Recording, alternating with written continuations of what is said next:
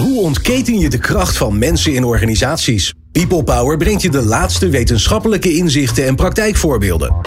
Over leiderschap en leren. Betrokkenheid en bevlogenheid. Inzetbaarheid en inclusie. Omdat mensen het verschil maken in jouw organisatie.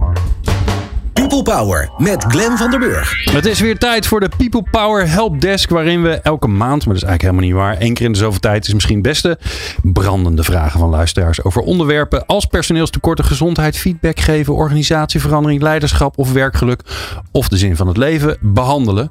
En we hebben altijd drie eigenwijze, maar ongelooflijk intelligente experts in de studio die hun ongezouten ideeën en oplossingen leveren.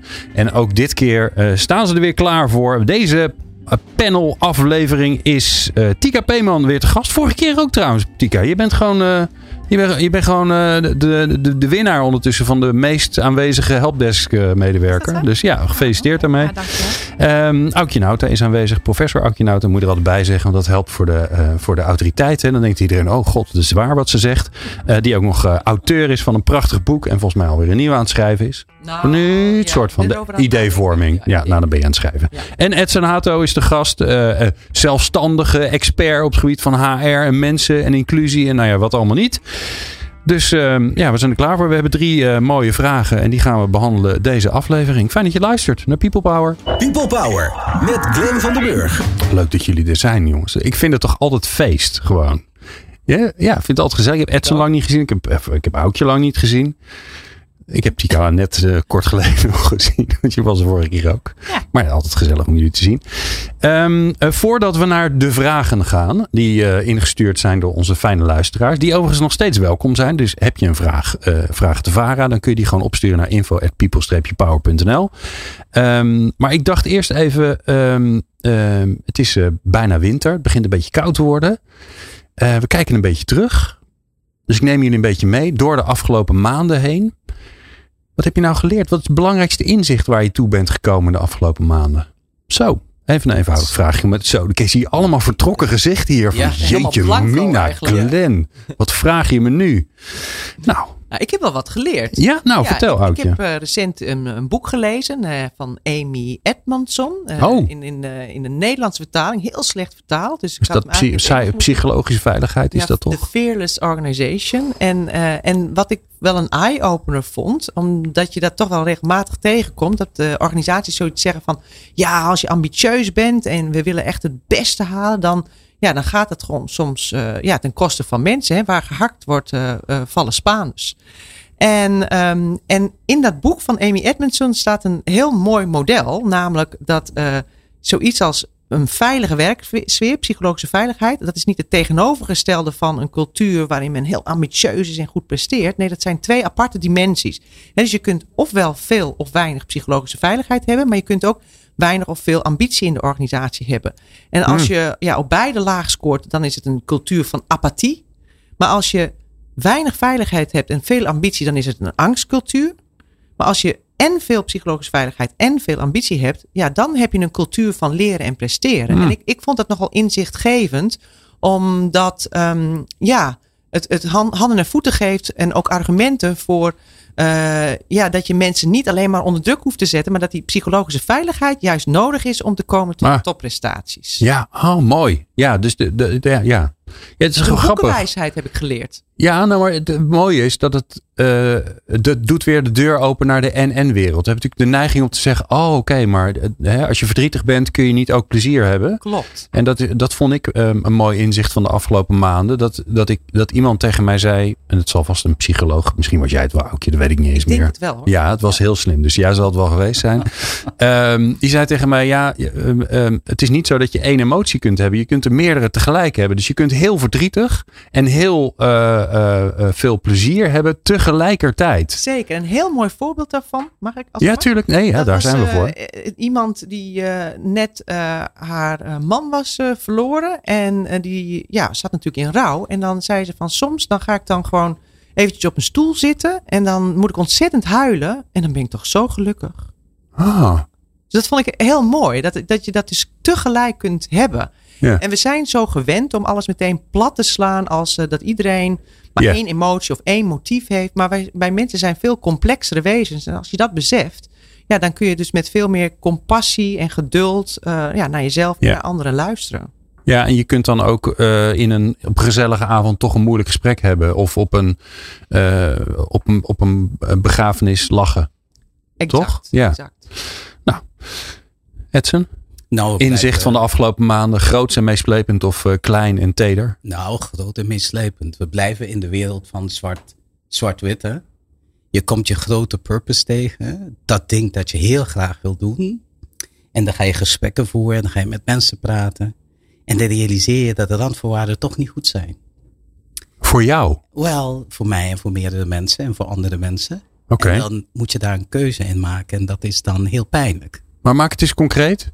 Wat, kom, wat, Nou ja, wat wil je dan en wat, wat, wat lukt er dan gewoon niet? Of waar loop je dan tegenaan? Nou ja. Dan, dan heb je dat ene, dat ene ding dat je heel graag gaat willen doen. ja. En ik kan dat niet concreter maken Oké, nee. En dan ga je even de randvoorwaarden onderzoeken. Krijg ik dan, heb ik de juiste instrumenten om het voor elkaar te krijgen? Hmm. Gaat het me lukken? Want het is al groot zat. Maar je hebt als individu een aantal basisdingen nodig om in je kracht te zitten. En die zijn er niet. En toch moet je. En je hebt er ook geen invloed op, hoor ik je zeggen. Nee. En toch moet je een keuze maken. Ja, Hmm. Het is alsof je nogmaals met de liefde van je leven toch. eh, dat je toch uit elkaar moet gaan omdat het gewoon niet werkt. Wow. Ja, dat is heftig. Holy shit. Ja, En dat, is je, dat is zijn de afgelopen maanden voor jou. ja En dat eh, klinkt frustrerend. frustrerend, eh, blij, goed, Ook. pijnlijk, droevig.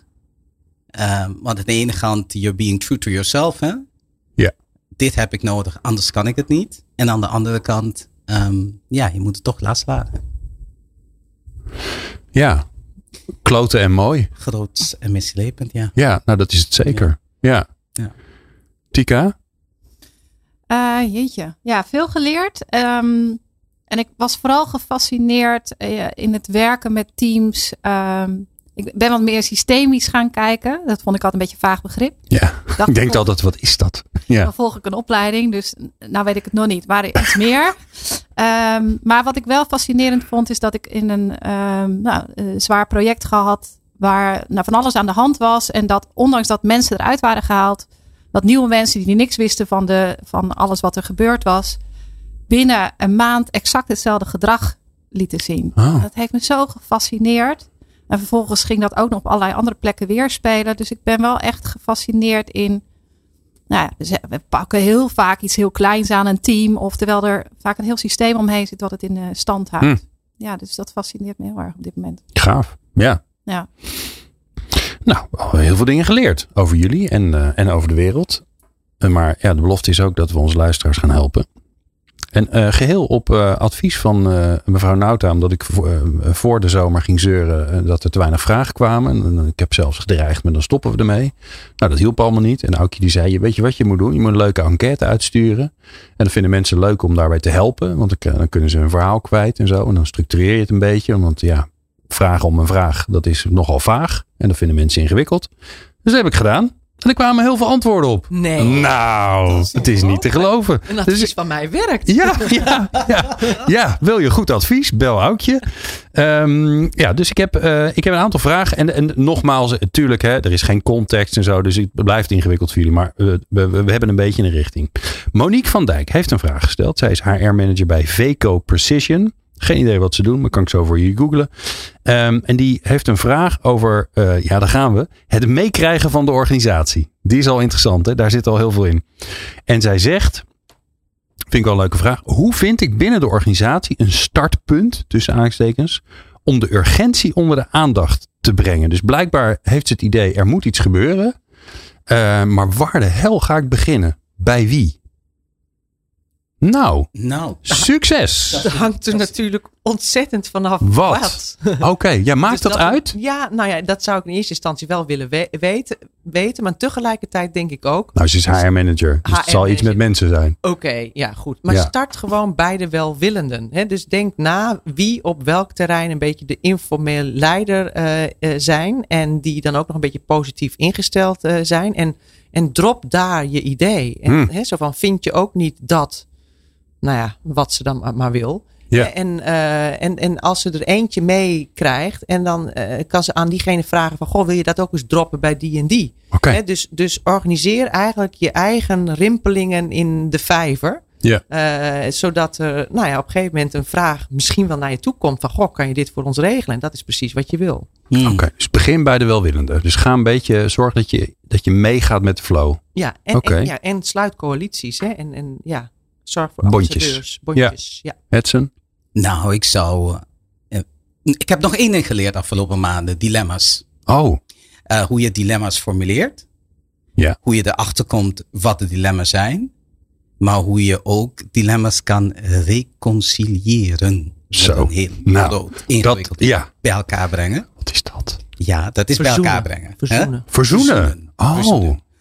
Als je dilemma's hebt, moet je, kan je die alleen maar verzoenen als je naar een hoger perspectief gaat om die op te lossen. Want anders, als je op dezelfde perspectief blijft kijken, kom je er niet uit. oké. Dus ik zou beginnen, probeer te achterhalen wat de dilemma's zijn van je organisatie. En daar zijn allerlei mooie tools voor.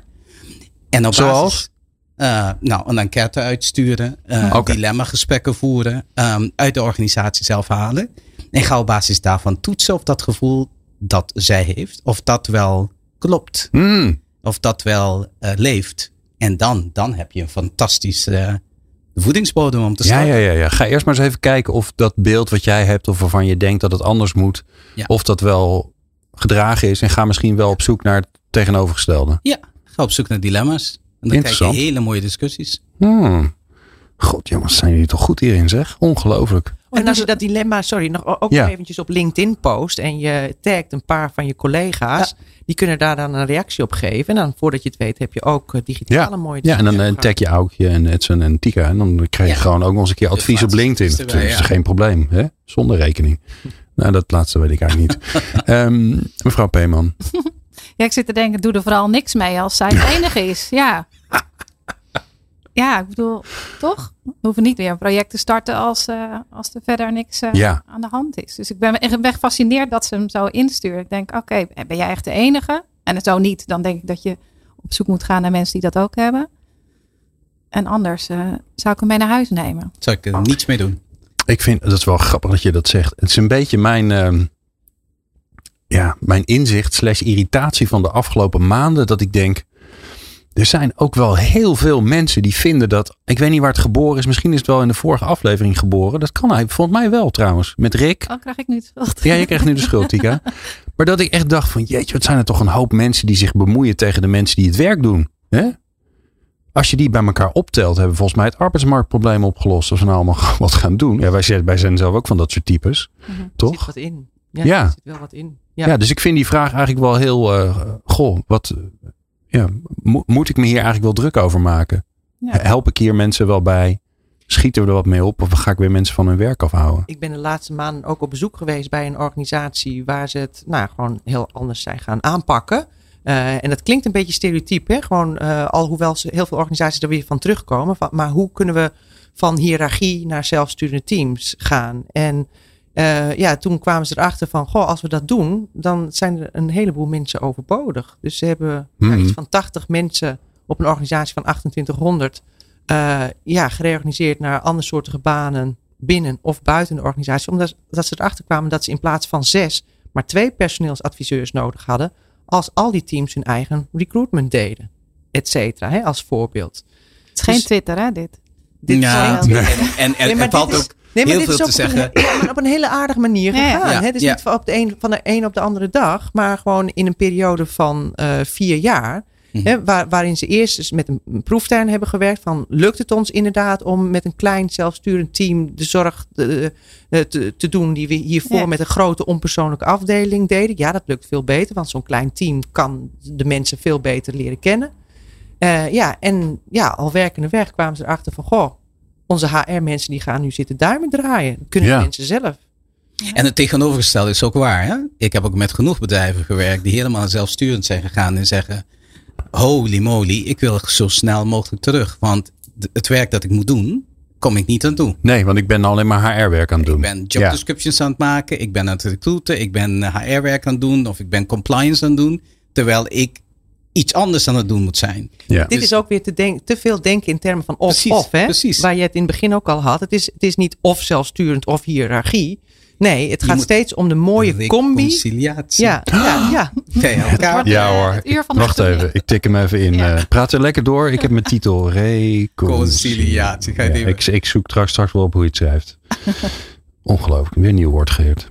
Ehm, ja, hij is mooi. Ja, ik denk dat hij terug gaat komen, deze hele dilemma en eh, de, de twee krachten. En dat het allebei mag bestaan en dat het en-en is en zo. Wordt een beetje Ja. het thema van het programma. Ja, nee, ik heb wel eens een keer, dat vond ik wel grappig, een CFO gesproken. En die hadden nog heel veel hiërarchische lagen. Die hadden er ook eentje tussenuit geschroefd. En een half jaar later zei hij, we merken er eigenlijk niks van. Ja. We hebben elkaar een beetje be- bezig te houden bovenin. Vond Ja. ik ook wel eh, shocking. Ja. Ja, waren best wel dure mensen. Ja. Gok ik. Nou, eh, Monique van Dijk, HR-manager van VCO Precision. Wij hopen dat, jij, dat we jou weer een beetje geholpen hebben. Ehm, en volgens mij eh, is dat zo. Want ja, moet ik ook niet verwachten dat we alles even voor je oplossen in, eh in eh, 10 minuutjes. Straks gaan we naar de volgende vraag van Maartje Alkema. En dat is wel leuk. Zij is locatiemanager van de kinderopvang Grow Up. Maar je achter elkaar staat er group. Dus dat is wel weer een leuke woordterm. En die heeft ook weer een mooie vraag ehm, eh, over personeelsschaarste. Die hoeven we niet op te lossen, maar gaat wel over personeelschaarste. Als je nu denkt, ik heb geen idee wat het is en ik ben zo nieuwsgierig, moet je vooral blijven luisteren. Experts en wetenschappers over de kracht van mensen in organisaties. People Power. People Power Helpdesk met Tika Peeman, Aukje Nauta en Edson Hato. Eh, ja, ik vind het altijd weer een feest, want ik leer er zelf altijd weer heel veel van. En het format is zo los dat we alle kanten op kunnen. Eh, behalve dat we een paar vragen hebben die we even moeten beantwoorden. Ehm, eh, voordat we naar de vraag van Maartje gaan, eh, ben ik wel benieuwd, eh, wat houdt jullie, eh, wat is het meest actieve wat je, wat je bezighoudt nu? Dus als je zeg maar 's ochtends wakker wordt, denk je, ah yes, ik ga weer verder met mijn... Je hebt altijd zo'n soort knuffelprojectje waar je dan mee bezig bent, weet je wel? Wat, wat, wat iets heel groots kan worden, maar het kan ook over twee maanden dat je zegt, ja, niet gelukt. Tika, ben je aan het doen? Ja, ik ben wel weer heel erg bezig met al die modellen en theorieën. Daar hebben we het wel wel Oh, over ja. gehad. Ja. Dus Want daar, daar heeft een, wat was het ook alweer? Mhm, trainen.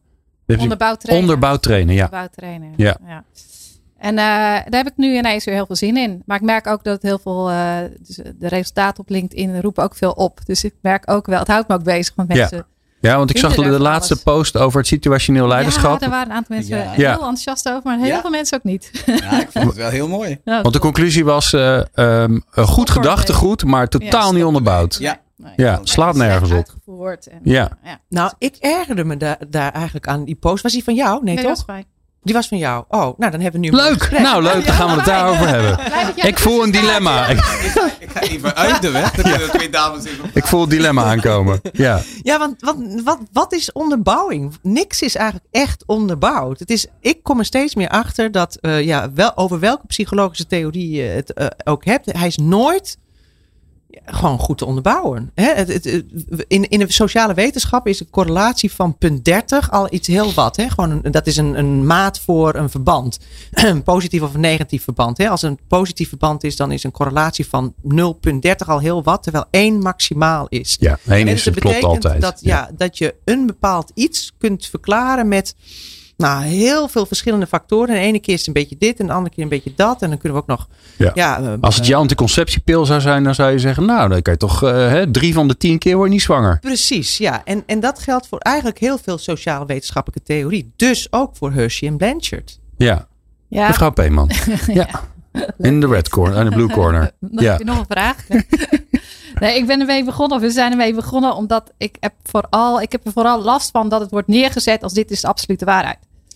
Eh, door heel veel trainers en, eh, eh, en coaches. Nou, daar zijn we dan wel mee eens, dat is het niet. Eh, eh, en daar zit ik me al 22 jaar naar te kijken van wat zeggen we nou eigenlijk? En eh, kunnen we dat niet wat nuanceren? Dus dat is het hele idee van die groep, dat we wat meer op zoek gaan van ja, wat kunnen we er meer over zeggen dan dat we nu zeggen dat we het model Ja. vrij klakkeloos adopteren. En jullie duiken eigenlijk in de wetenschap, Ja, de huidige we- wetenschap ja. natuurlijk ook, hè, want dat model is natuurlijk al hartstikke oud ondertussen. Ja, maar je kunt er toch wel van uitgaan dat er, dat er een soort van ja, verhalende, anekdotische uh, handigheid in zit. Hè? En ik vind als een model bruikbaar is, Ja. dan is het handig. En dan denk ik heel vaak aan een verhaal wat ik hoorde van een of andere legercommandant. Eh, die zei van we waren in Afghanistan en eh, nou, we raakten vast in een hinderlaag. En ik kon eigenlijk niks anders dan iedereen verschrikkelijk commanderen om te zorgen dat eh, nou ja, we een beetje heel huids eruit kwamen. En daarna gingen we dit hele incident evalueren. En had ik de input van iedereen nodig. Dus ik zeg altijd directief als het eh, moet en participatief waar het kan, zei hij. Nou, dat vond ik een hele wijze les. Ja. Die ook een enorme onderbouwing is van Hershey en Blanchard. Ja, ik vind, ik, vind het, ik vind het wel heel interessant wat jullie beide dames zeggen. Ja. Ik, ik ben, Je wilt verzoenen. Ik voel een reconciliatie Nou, ik, aankomen. weet, ik weet niet of ik ga verzoenen. Als je kijkt naar de, naar de geschiedenis van leiderschap, het begint met ehm, ehm, de individu, de actor. Je bent een politici, een, iemand die in de eh, militaire generaal. Of je bent eh, een, een spiritueel persoon. En die waren de leiders, omdat ze iets op hun voorhoofd hadden die we allemaal belangrijk vonden. En de rest kon dat niet. En dat heeft zich ontwikkeld tot zo'n model van, van Blan- Blanchard, waarin contextueel leiderschap neergezet is. Maar als je kijkt naar de nieuwe ja, era, eh, jaren waar we in leven, kan je ook zeggen dat al die modellen op een gegeven moment eh obsolet worden.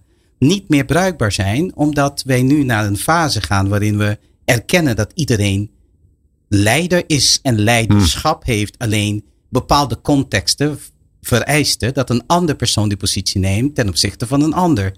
En die, die gelijkwaardigheid en dat eh, waardigheid om dat gesprek te voeren en te weten wie gaat nu voor en wie nu even niet. Dat is wat voor mij belangrijk is nu dan, een model. Ja. En daarnaast in het Westen willen we alles onderbouwen met data. Oh ja. Nou ja, in Afrikaanse, Aziatische en Latijns-Amerikaanse landen deden ze ook leiderschap en deden ze helemaal anders. En dat hoefde je allemaal niet te onderbouwen en het werkte ook. Alleen we hebben al de historie vernietigd door de koloniale periode. Mm. Maar dat is een andere discussie. Mm. Dus ja, ik weet het niet. Ja. Ik heb niet gereconcilieerd, denk ik. Nou, nou, maar je hebt wel eh, afgeleid. Dat helpt Ja, ook. dat is hè? goed, dus dat dat, deed ik altijd vroeger met mijn kinderen. Als ze ruzie hadden, dan eh, ging ik gewoon een liedje zingen of raar doen. En dan was de ruzie over. En Ja. ze waren al ondertussen Ja. al lang weer vergeten waar het over ging. Maar het is wel interessant, eh, alle inzichten. En volgens mij uiteindelijk zijn we het allemaal weer met, met elkaar eens als je er diep in duikt. Maar dat gaan we niet doen, want we moeten Maartje Alkema nog helpen. Locatiemanager van kinderopvang Grow Up. En ik vond dat ze wel een hele interessante vraag had. Want, daar komt ze. Zij zegt, ik vind het lastig dat de personeelsschaarste op dit moment overal invloed op heeft. En hoe kun je toch zorgen voor werkgeluk?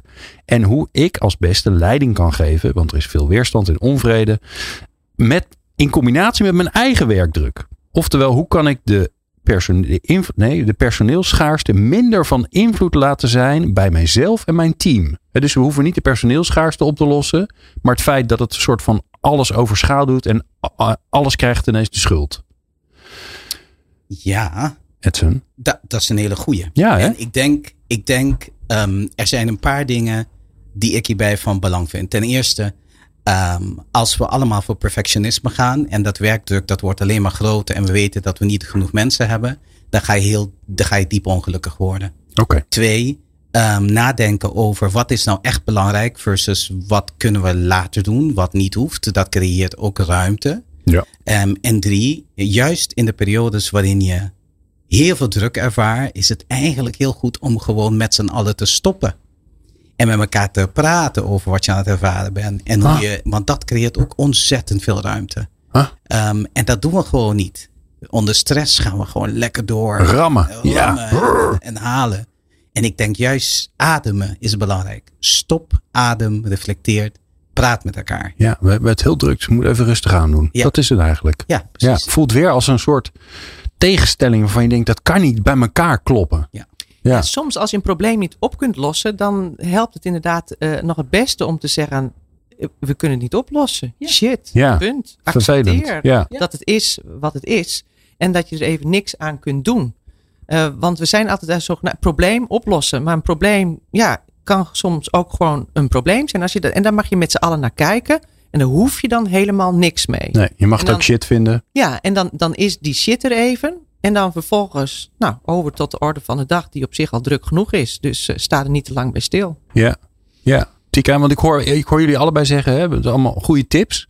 Maar ik ben nu nou op zoek naar, ja, hoe dan? Hè? Want, want het, het klinkt wel als, we moeten dat met, je moet het wel met elkaar doen. En ik hoor uh, Maartje ook zeggen van, ja, ik ben de leidinggevende en ik heb mijn team. Dus dat voelt alsof er een soort afstand tussen zit. Dus volgens mij moet het op een of andere manier moet het een, een geheel worden. of jij dat nog even kan regelen, Tika? Nou, ga je gang, Tika. Regel het. Regelen? Ja. ja. Jij bent van de teams. Ja, ja. Nou ja, ik ben ook benieuwd hoe ze, hoe ze er zelf in de wedstrijd zitten. Dus, uh, dus over voorbeeldgedrag gesproken. Dus ik denk dat dat ook wel uh, die rust creëren. Dat, ja, ik denk dat zij daar wel iets aan in kan betekenen. Absoluut. Dus ik zie wel veel leidinggevenden die zich ook helemaal kapot rennen. En dan snap ik wel dat teams zich ook helemaal kapot gaan rennen. Ja. Um, en ik ben ook wel nieuwsgierig, want dit is natuurlijk ook wel de hype hè, met elkaar. We zijn allemaal half burn-out, overhaast. Ik bedoel, uh, of het nou om ja. kinderen gaat of uh, waar je ook zit. Um, dus ik geloof ook niet dat het he heel hip is nu om te zeggen: Oh, ik heb best onder controle. En, uh, ja, ja. ja. hoe gaat het? Rustig. zouden we dat wel kunnen doen. Hè? Want ik, ik kreeg toevallig de cijfers van over verzuim. En, hè, en, en die ook mentaal gerelateerd allemaal was. En daaruit blijkt dat nou, tussen de 6 en de 7 procent van de mensen uh, die heeft het afgelopen jaar verzuimd vanwege mentale klachten. Dat is in aantal echt iets van nou, meer dan 500.000 mensen die dat heeft gedaan. Maar dat is eigenlijk hetzelfde als vorig jaar en het jaar daarvoor. Dus zo ontzettend veel erger ja. wordt het allemaal nee. niet. In aantallen, in absolute aantallen wel. Maar dat komt omdat nu heel veel meer mensen aan het werk zijn dan twee jaar geleden. Dus we moeten elkaar hm. ook niet allerlei problemen aanpraten. En ja, als je dat wel wil doen, doe het dan ook goed. Dus uh, heb als leidinggevende een klaagmuur. Zo van, goh, we gaan eventjes ontzettend klagen over wat we nu allemaal niet kunnen doen doordat we te weinig mensen hebben. Hm. Nou, en daarna door. En in, okay. de, coach, in de coachingpraktijken doen we dat hè, met klanten. Gewoon, ja. je krijgt 20 minuten om te klagen. Oké. Okay. En dat lucht enorm op. Want dan kan je nadenken, ah, oh, oké, okay, en nu? Nu, ja. nu kan ik nadenken over wat ga ik nu doen? Of niet. Ja. Ja, dus ook, ik heb ook wel het idee dat we dat dan oeverloos doen. Hè? Dus ik, het is zo'n mooie documentaire over Richard Branson. Die heeft ook wel eens pech. En dan zet hij een wekkertje op 10 minuten. Dan mag ja. hij 10 minuten klagen, vertelt zijn zus dan. En na tien minuten gaat het wekkertje en dan gaat hij gewoon weer heel positief. Gaat hij weer aan de slag. Dat doet mij ook denken aan een briljante leidinggevende die ik ooit op de universiteit tegenkwam. He, die, die zei ook dat uh, bij iedereen, want ja, dan krijg je ook allemaal mensen op je dak als bestuurder in de, aan de universiteit die bij je komen klagen. Ze zei, je krijgt vijf minuten om te klagen en daarna mag je komen met een oplossing. En binnen no time wist iedereen dat zij zo werkte. En lieten ze dat klagen dan toch eigenlijk meteen maar achterwege en hap, meteen naar een positieve ja. oplossing. Ja, en volgens mij wordt dat misschien ook wel niet het thema van vandaag, want dat is verzoening. Maar begrenzing is ook wel een mooi thema, nou, toch? Begrenzing is zeker een mooi thema. Er mogen best twee thema's zijn. Ja, ja joh, tuurlijk. Ja, begrenzing, ja, mooi. Ja. ja. Kijk, want de narratief in ons hoofd bepaalt onze gedragingen. Dat is gewoon zo. En, en die begrenzing of die reconciliatie, dat gebeurt op dat hierachter, dat verhaal dat je elkaar elke keer zit te vertellen. Dan moet je een ander perspectief gaan zetten. Of vanuit een ander invalshoek naar kijken. Ja. Of een andere kleur erover gooien. En ja. kijken wat er dan gebeurt. Ja, dus ik hoor jullie zeggen, uh, ja, het is zo. Uh, dus dus als, als, het, als er gewoon te weinig mensen zijn en je kan er niet zoveel aan doen, uh, heb het er met elkaar over dat het zo is. En zeg ja, het is gewoon shit. Um, twee, kijk waar je misschien allerlei dingen aan het doen bent, omdat je toch perfectie na wil streven. Dus, een beetje, dus het mag wel wat minder begrens je daar ook in. Dus als je enorm feesten voor Sinterklaas aan het regelen bent, doe het gewoon een jaartje een beetje kalmer. Die kinderen maakt het geen donder uit, want die hebben toch wel lol. En trouwens, kinderen spelen voor een belangrijk gedeelte lekker samen. Um, maar daar heb ik niet zoveel verstand van. Um, wat volgens mij wel zo is, want ik heb een keer een hele aflevering over de kinderopvang gemaakt, is dat er best wel veel regeltjes zijn. Ik zou zeggen, nou misschien speelt, zit daar nog een belangrijke rol voor jou als leidinggevende om te zeggen, oké, ik ben de leidinggevende, ik ga nu voor jullie staan, want er is veel te veel werk. Deze regeltjes of deze dingen die we moeten bijhouden, ja, fuck het maar even. Ik neem dat risico op me, jullie hoeven dat niet te doen. En als de inspectie komt, dan leg ik ze wel uit dat we gekozen hebben voor het welzijn voor de kinderen en niet voor de administratie. Dat vind ik ja. een briljante tip. Je moet ja, in toch? een panel gaan stappen. Ja, Glenn. absoluut. absoluut. Mag soms ook wel zelf wel eens wat zeggen, toch? Ja. Um, Maartje Okema, wij hopen dat we jou geholpen hebben bij jouw belangrijke vraag. En uh, straks gaan wij door met de vraag van, het zijn allemaal dames, ze beginnen allemaal met een M, valt me nu op. En naar Marijke Joosten. En dat is ook wel een leuke wereld, want zij is manager van de educatieve bibliotheek uh, Helmond Peel. Eh, bij Helmond. Een pil is dan volgens mij het grotere, grotere gebied. En die heeft een eh, vraagstuk over eh, taal. Hoor je zo? Leiderschap, leren, inzetbaarheid en inclusie. De laatste inzichten hoor je in People Power.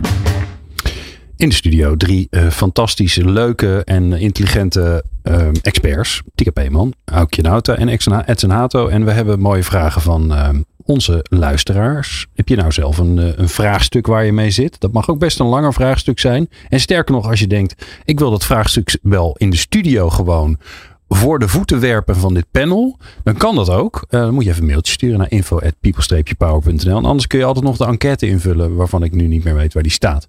Dus daar heb je weer helemaal niks aan. Maar ja, ach ja, ik ben ook vuilbaar. Ehm Marijke Joosten, de manager van educatieve bibliotheek Helmond Peel, heeft een vraag. Daar komt hij. Voel je gelijk spanning, hè? Bij grote vraagstukken, zoals organisatieverandering, gezondheid, welzijn en vitaliteit en persoonlijke ontwikkeling, verstaat iedereen er weer wat anders onder. Over, zegt ze trouwens. En eh, je kan met ontzettend veel verschillende brillen op naar kijken. Als je je niet bewust bent van al die verschillende brillen, dan kun je al snel op een moeizaam pad terechtkomen met elkaar. Hoe zorg je er nou voor dat al die verschillende perspectieven duidelijk zijn? Dus ze zegt niet, ze hoeven allemaal hetzelfde te worden. Maar in ieder geval dat, er, dat je dat in ieder geval scherp hebt. Dat je, eh, ja, dat je het misschien allemaal wel over net iets anders hebt. Wordt enorm naar jou gewezen, dan? Ik weet eigenlijk niet zo goed. Ja, Gewoon. ja, maar je bent wel de bok nu.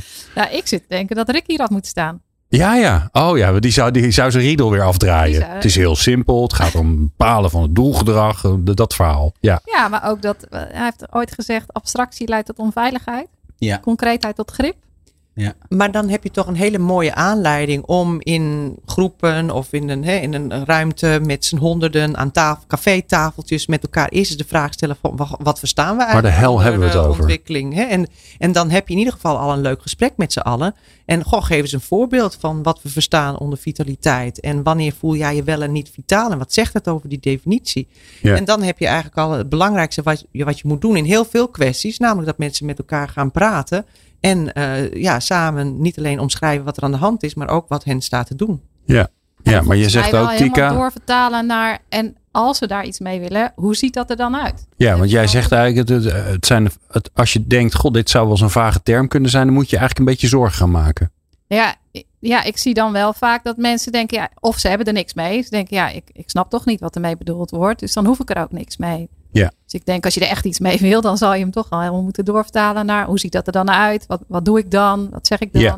Ja. Nou, Daar geloof ik al in. Ja, en waarom hebben we het hier überhaupt over? En waarom hebben we die Toch? Zeker als het gaat over vitaliteit of zo. Dan denk je, ja. Maar ik heb ook wel heel vaak het idee dat ehm, eh, mensen. Hè, die, ik heb bijvoorbeeld wel eens gehoord van employability. Ja, dat is echt heel wat anders dan inzetbaarheid. En dan denk ik, volgens mij is het een een vertaling van het ander. ja het lijkt Maar dat wel, wordt dan ja. vaak ook wel gebruikt om eh, ja, bepaalde strijd die er is tussen mensen met verschillende functies. eh, en dat ze kunnen afbaken. Wij zijn hiervan, Hmm. jullie zijn daarvan. En jullie mogen ons niet met, mogen je niet met mijn ding bemoeien. Oh, een soort stammenstrijdje. Is- ja, en dat is natuurlijk heel erg armoedig. Omdat heel veel van die HR-onderwerpen feitelijk op precies hetzelfde neerkomen. Ja, En dat, dat is dus weer of-of denken in plaats van en-en. Ja. Ja, maar jij zegt eigenlijk van ja, dat het, het is een soort van afbakening tussen dit is van mij, want ik ben van HR, of dit is van mij, want ik ben de manager. Ja, een soort territoriumdrift. eh, Ja. Om te bewijzen dat wat jij doet toch wel heel erg belangrijk is. Ja, het is Ja. sowieso al verdacht als, als je toch zegt dat het HR-onderwerpen zijn. Ook dat. Ja. Ook dat. Ja. Ja. Want HR-onderwerpen zijn eigenlijk van iedereen. Ja. Toch? Ja. Ja, grappig ja. Het is grappig dat je dat zegt, want daarmee zeg je eigenlijk. En het zijn HR-onderwerpen, dat hoor je natuurlijk vaak. Hè? Vitaliteit of inzetbaarheid is een HR-onderwerp. En dan aan de, andere, de volgende vraag die gesteld wordt: ja, hoe zorgen we nou eigenlijk voor dat we dat kunnen uitrollen, implementeren of weet ik veel wat? En, ja, en dat het begint geen, dus bij en de dat het geen vraag. HR-feestje blijft. Nee, Ah ja, nee. ook heel nee, vaak. Ja. Die kan ook wel in de vandalen, ja. Ja. Maar wat ik wel interessant vind, wat erachter zit, is natuurlijk dat we ons weinig bewust zijn van de taal die we gebruiken. Dit zijn natuurlijk allemaal van die grote woorden, maar dat gebeurt natuurlijk veel vaker.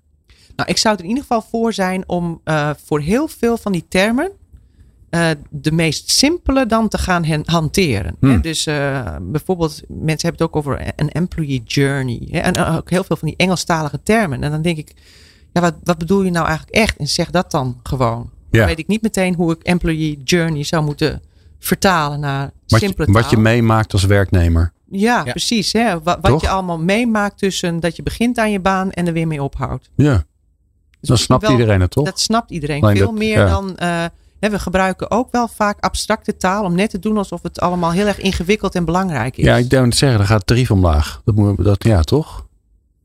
Hoe, de, hoe is het bij jou? Ja, jij zit natuurlijk in internationale context heel vaak, hè, Edson? Dus eh, er gaat een hoop eh, Engels over, Ja. de, over de bühne. Ja, heel veel van mijn klanten zijn internationale klanten. Dat is, dat is wel een ding. Dus als ze Nederlandse klanten zijn, kunnen ze zich melden.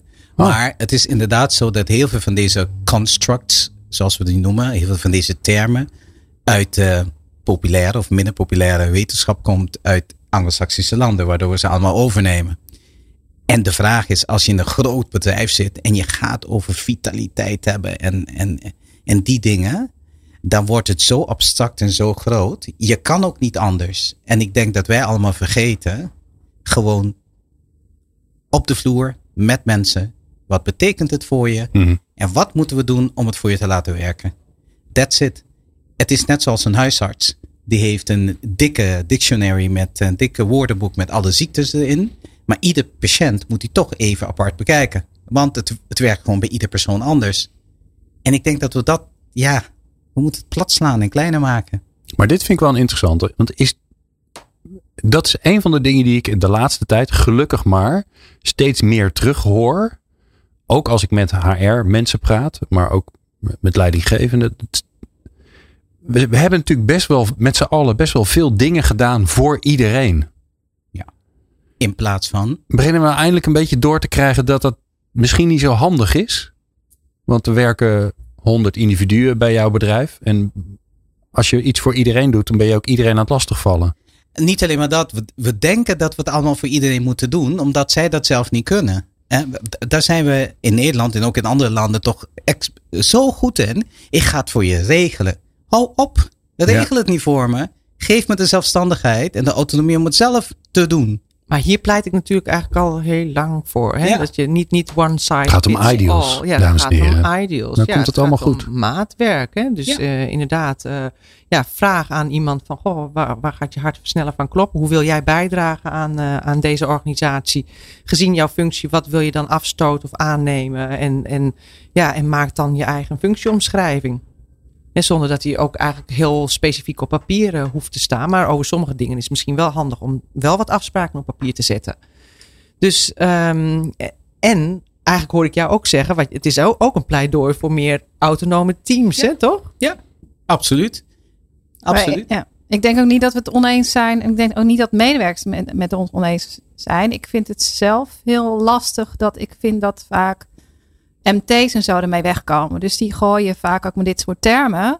En er is niemand, of althans te weinig mensen die dan zeggen: Ik snap je niet, ik begrijp niet wat Nee. je zegt, wat moet ik dan doen? Waar bemoei je je mee? Ja, Ja, ook dat, komt, dat komt natuurlijk ook vaak door schaamte. Hè? Ik wil toch even Oh. mijn thema er weer in Ja. gooien. Hè? Van, van, eh, dat, dat, dat, dat een MT dan een, een dure term gebruikt. Waarvan iedereen denkt van, wat zou dat zijn? Maar ik denk dat ik het had moeten weten. En dan durven mensen niet te vragen wat er eigenlijk mee bedoeld wordt. Hm. Ja, en dan ontstaat er een soort van spraakverwarring. Want Hm. iedereen doet, handelt vanuit interpretatie. In plaats van echt te begrijpen wat Waar MT over gaat. eigenlijk bedoelt. Wat over gaat. Ja, dat is een briljante vraag. hè? Ja. Wat bedoel je eigenlijk? Ja, Ja. Het is altijd als ik eh, eh, hier workshops geef waar mensen gaan leren hoe ze een podcast of een uitzending moeten maken. Zeg ik altijd, als je een woord langs hoort komen met eren erin aan het einde. Dus eh, professionaliseren, communiceren, weet ik wat. Moet je gewoon vragen, wat bedoel je daar eigenlijk mee? En dan komt er een leuk verhaal. Want dat andere verhaal over dat erewoord, daar is namelijk geen donder aan. Dat is eh, al- ja, algemene prietpraat noem ik dat altijd maar. Ja, dat snapt niemand. Het klinkt wel heel, heel duur, maar je hebt er niks aan. Nee. Maar jij zegt, het is, de, daar zit schaamte achter, Oudje. Ja om, omdat je niet wilt worden gezien als iemand die, Die het iets niet weet. weet. Die Ah. dom is, dus die het het niet is begrijpt. durven vragen is een van de belangrijkste ja, drempels die we in organisaties moeten overbruggen om te blijven leren. Maar help mij dan eens even, want ik heb ook wel eens gehoord over een onderzoek waaruit bleek dat degene die vragen stelt in de groep gezien wordt als de meest intelligente, meest expert. Ja, dat is het rare. Eh, Is toch gek? Ik heb dat zelf ook wel als adviseur ervaren. Dat je bij uh, nou, in een soort eerste gesprek, dat iemand dan de hele tijd aan het woord is. Dat vind ik ook leuk om te voeden. Om dan inderdaad veel van die vragen te stellen. Van maar wat, wat bedoel je dan? En waar wil je naartoe? En wie zijn er dan van? Echt allemaal open vragen. En uh, dat je dan zelf aan het eind denkt van, oh, ik zal wel heel dom overgekomen zijn, want ik heb niks verteld. Maar dan blijkt dat je dus door de ander als veel intelligenter wordt gezien. Daar is ook echt wel wetenschappelijk bewijs voor. Dan wanneer je zelf de hele tijd aan het raaskallen bent. En waar, dan ben ik waar verdwijnt dat dan? Want kinderen stellen heel veel vragen uit zichzelf. In het werk blijkbaar wordt dat ineens een drempel. Want dan denk je dat je niet intelligent gevonden wordt. Of dat je dom gevonden wordt. Terwijl we weten dat het juist het tegenovergestelde is. Dus where did we go wrong? Ik denk, ik denk de, Idee? In, de in- en uitgroep uh, loyaliteit, denk je niet? Ik ben onderdeel van dit, van, de, van dit groep. En we hebben het over dit onderwerp. Um, ik wil graag dat ze me als gelijkwaardig zien. En het feit dat ik het niet weet, kan, in, kan indicatief zijn dat ik het niet begrijp. En dus ah. ik gelijkwaardig ben aan. Dus ik hou mijn mond dicht.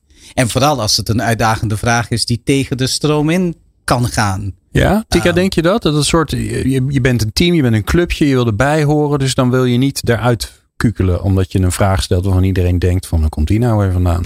Ja, ik heb dat nog niet, niet zo vaak ervaren. Ik herken wel dat mensen dat juist heel fijn vinden als mensen heel erg vragen stellen. Dus dat weet ik niet. Maar ik heb wel het idee dat, dat als, ja, dat de norm. Nou, ik weet ik vind het zelf, ik, ik heb me heel lang daar zelf ook wel schuldig over ge, uh, gevoeld. Dat ik dacht, wat heb ik nou bij te dragen? Ik stel alleen maar vragen. Ja, dus ik vond, ik vond dat zelf ook wel lastig. Dat ik, totdat ik doorkreeg dat mensen dat juist heel fijn vonden. Dat ik vragen stelde die normaal niet gesteld worden. Of, ja. uh, maar ik denk dat, ja, ik kan me wel voorstellen dat mensen daar tegenaan lopen. Nou, ja, ik vind het wel interessant. Maar waar verdwijnt het dan? dan ben je, ja, ik weet, misschien hebben jullie het Nou, antwoord niet. Dat is ook prima. Nee, ik, ik heb denk ik het antwoord niet. Maar ik weet wel dat wij, uh, ja, als we kinderen zijn, dan durven we inderdaad ongeremd vragen te stellen. Want dan hoeven we nog ni niet niks te weten. En hoef je dan ook nog niet ergens bij te horen? Mm, Dat begint vooral eigenlijk als je ja. ja puber bent, dan is dat ontzettend belangrijk. Hè? Oké. En, en, en dus ga je dan in het gelid lopen. uh, hè? Want als je afwijkt, dan ja, ga Ja. je eigenlijk meteen alweer Dan word je uit het nest geflikkerd. Ja, hè, en, dus, en daarmee verliezen we iets van onze spontaniteit die we uh, als kind van zes nog wel hebben. En dus heb je nou ja, iets nodig om dat ongeremde toch weer terug te krijgen. En daarom kan het dus wel helpen om, om nou, bijvoorbeeld uh, verhalen over blunders, uh, dat je daarmee begint Hmm. tijdens een teamoverleg. Want als iedereen zijn blunder dan gedeeld heeft, dan ja, durf je weer alles openlijk te zeggen en te vragen. Hè, en, en, want ja, kennelijk gaat het niet vanzelf. Dus dan ja, moet je daar weer, wat voor verzinnen. Hey, Aukje, pas op. Ik, ik las laatst, ik durf bijna niet te zeggen dat ik daar ook vreselijk naar zit te onderzoeken. Maar eh, ik, ik las laat dat in groepen dat, uh, dat mensen heel vaak dezelfde informatie herhalen. En dus eigenlijk helemaal geen nieuwe informatie eh, binnenkomt. En de mensen die dat wel hebben, die brengen het niet in. Mhm. Over het algemeen. Hè? Ja. Dus zo'n zo soort bias. Heeft het daar ook mee te maken dat mensen dan vanuit de groepstuk denken... ik herhaal wat er al wordt gezegd. En dus heel veel meetings hebben geen zin. Hè? Dat is nu maar- dat is een soort ritueel om te bevestigen dat Ja. je een groepje bent. Ja, en dus als je Ja. echt informatie hebt, dan breng je dat niet in. Klopt, ja. Omdat Ja. je dan, je bent dan au- automatisch lid van een minderheid als je iets origineels inbrengt. en Ja, ja. daar, dat, dat kan al iets bij jezelf teweeg brengen van oeh, ik wijk af. En uit angst voor afwijzing is het dus eigenlijk makkelijker om mee te praten met het staande verhaal dan met iets nieuws eh, te komen. Absoluut. Ja, daar moet je dus eigenlijk iets voor organiseren. Je zou Bijvoorbeeld. trouwens wel heel veel tijd kunnen sparen in organisaties, denk ik. Ja, ongelooflijk. Ja. Tijd sparen door. Door al die meetings waarin we van alles aan het herhalen zijn wat we toch al weten. Zeker. Om daarmee Ja. te stoppen. Ja, Edson die zit heel erg eh, te glunderen. Daar is Nou, een reden ik, voor. Ik zit te glunderen, want ehm, het, ik, ik weet dat in mijn eerste directeursrollen dat ik altijd het gevoel had dat ik de rare vragen stelde en de, de afwijkende perspectief had tot, tot, tot op het moment dat mijn mentor tegen me zei, vooral mee doorgaan. Niet stoppen. Maar je komt wel in een minderheid, letterlijk en figuurlijk. Hè? Hij, is, nou, hij ziet het altijd anders. Oh, daar heb je hem weer. Mhm. Um, en, en daar krijg je ook feedback van, hè, van je leidinggevende. Van hey, uh, kan je niet een beetje minder vervelend zijn? Ja, heb je dat gehoord? Ja. Ja? Ja, ja. Oké. Yes. Ja. Wat ik zelf merk, en daar wil ik eigenlijk een beetje mee afsluiten, want we zijn bijna door de tijd heen. Maar ik ben benieuwd hoe, hoe jullie dat vinden, want jullie zijn um, ongeveer mijn leeftijd, zeg ik dan maar charmant. Um, ik merk zelf dat naarmate ik ouder word, dat ik daar dus veel minder last van begin te krijgen. Dus dat ik veel oorspronkelijker durf te zijn en veel meer durf te. Hè, daar helpt dit werk natuurlijk ook bij, want als ik geen vragen stel, dan wordt het wel heel stil.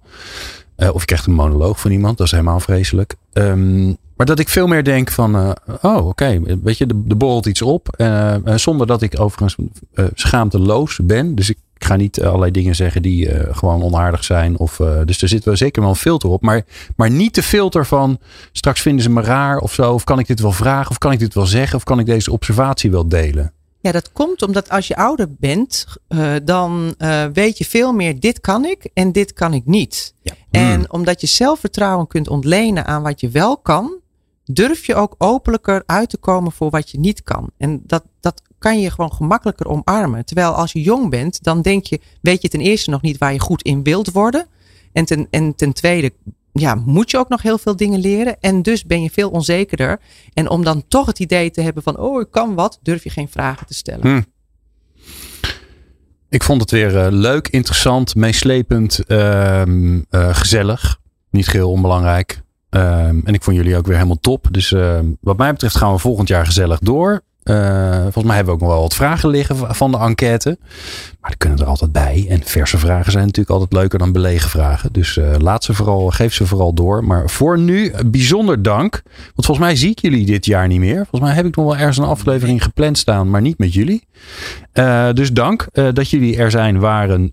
en voor jullie bijdrage natuurlijk altijd aan dit prachtige programma. Tika Peeman van Vistrainingen. mevrouw Nauta van zichzelf. Heb je ondertussen een een spannend bedrijf opgericht of zo? Of ben je ja, gewoon... dat heet gewoon Aukje Nauta. Zo, briljante naam. Wat een goede marketing heb jij gedaan, zeg. Onwijs goed. En Edson Hato, maar Edson heeft wel een naam, toch? Ja, nou. Like Minds. Like Minds, dat is de juridische structuur, ja. ja. Maar, het is gewoon Edson Hato. Ja, ja, Google op Edson Hato. Uh, en uh, succes en sterkte met, uh, met, je, met je mooie worstelingen, Edson. en jij natuurlijk ongelooflijk bedankt voor het luisteren weer naar deze People Power Helpdesk. En werk ze. Meer luisteren? Ga naar peoplepower.radio en abonneer je op onze podcast.